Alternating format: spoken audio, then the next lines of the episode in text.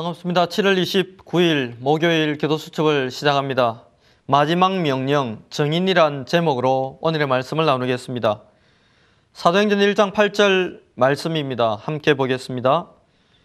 오직 성령이 너희에게 임하시면 너희가 권능을 받고 예루살렘과 온 유대와 사마리아와 땅 끝까지 이르러 내 정인이 되리라 하시니라. 아멘.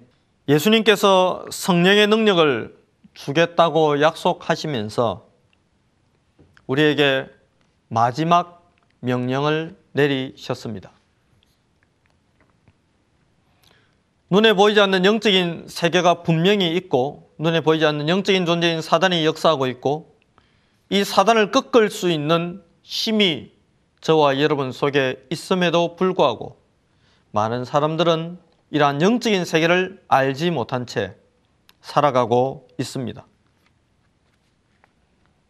여인의 후손이 오셔서 십자가에 죽으시고 여인의 후손이 뱀의 머리를 깨고 부활하신 그 일에 하나님은 우리를 정인으로 모든 인생 문제를 해결하신 그리스도의 정인으로 지금 성령으로 부활하셔서 성령으로 역사하고 계시는 그 그리스도 예수의 정인으로 하나님은 우리를 우리의 현장 가운데 세우기를 간절히 열망하고 계십니다. 첫 번째입니다. 이러한 정인이 되려면 어떻게 해야 합니까? 첫 번째는 내용과 순서를 바꾸지 말아야 합니다. 저와 여러분은 하나님의 자녀로서의 신분을 누리는 응답이 먼저 와야 하고 또한 그것을 먼저 누려야 합니다. 가장 먼저 해야 할 것은 그리스도 예수 안에 있는 생명과 능력을 그 그리스도 예수 안에 있는 축복을 나의 것으로 개인화시키는 비밀입니다. 이것을 나의 것으로 만드는 기도의 비밀을 누리는 것을 보고 우리는 하나님의 자녀라고 이야기하고 이것을 신분이라고 말합니다.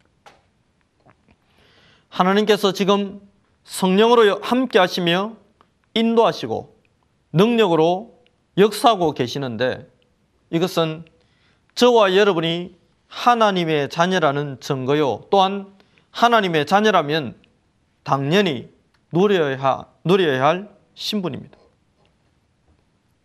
저와 여러분이 그리스도 예수 안에서 누려야 할 최고의 축복은 하나님이 지금 나와 함께 하시고 내 안에 계시고 그 하나님이 나를 인도하시고 내 안에서 성령과 능력으로 역사하고 계신 것을 먼저 누려야 하겠습니다.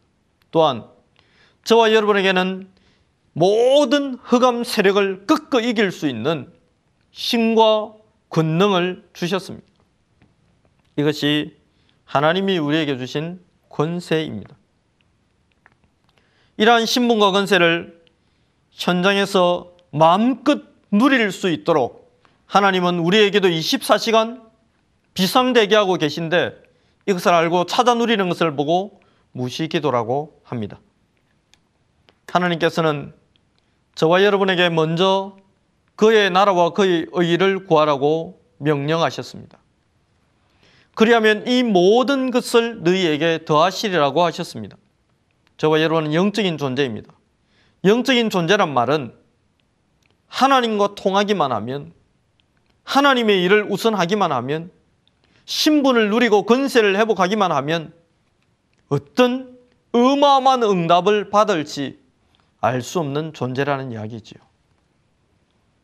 연약했던 도망자 바울이 연약했던 살인자였던 모세가 연약했던 감옥의 요셉이 임마누엘 하시는 하나님을 발견하고 그 안에 거하기 시작하면서 그들의 인생은 홍해를 가르고 그들의 인생은 저 영적인 불모지를 변화시키고 그들의 인생은 애굽을 발판으로 그들의 인생은 그를 시기하고 미워하고 죽이려 했던 자들을 살려낼 만큼 힘 있는 자로 변화되는 축복을 누렸습니다.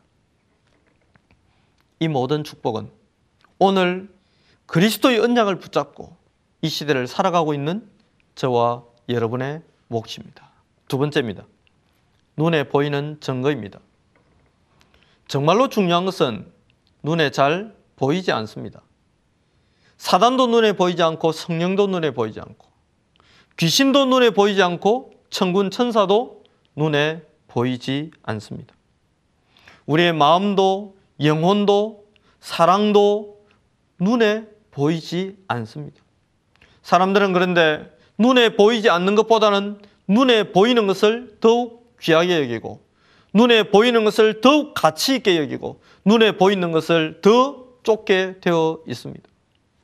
그래서 하나님은 저와 여러분에게 눈에 보일 만한 현실 가운데 드러날 만한 응답과 증거를 주시기 위해서 지금 일하고 계십니다. 눈에 보이지 않는 증거와 눈에 보이지 않는 것들을 누리기 시작하면 결국은 눈에 보이는 축복과 응답들이 육신적인 축복과 응답까지도 다가오고 또 나타나게 되는 것입니다. 구약의 기적과 신약의 성경의 치유는 예수 그리스도를 붙잡을 때 분명히 일어났고 또 일어나고 있습니다. 이 일에 하나님은 저와 여러분을 정인으로 부르셨습니다. 세 번째입니다. 가장 중요한 곳에서 정인으로. 시대마다 따로는 재앙이 있지만 사람들은 재앙의 이유와 근본 원인을 모른 채 대책을 세우기에 급급하고 임시 방편으로 대책을 세우고 넘어갑니다. 문제는 재앙과 저주를 당한 이후에 당한 이후에 대책을 세워야만 된다는 것입니다. 하나님의 자녀는 당연히 이러한 현장을 살릴 수 있는 축복의 주역입니다. 7년의 풍년 기간 동안 흥청망청 쓰고 곡식을 내다 버리고 물가에 버렸다면 그들은 7년의 흉년이라는 재앙을 비껴갈 수 없었을 것입니다.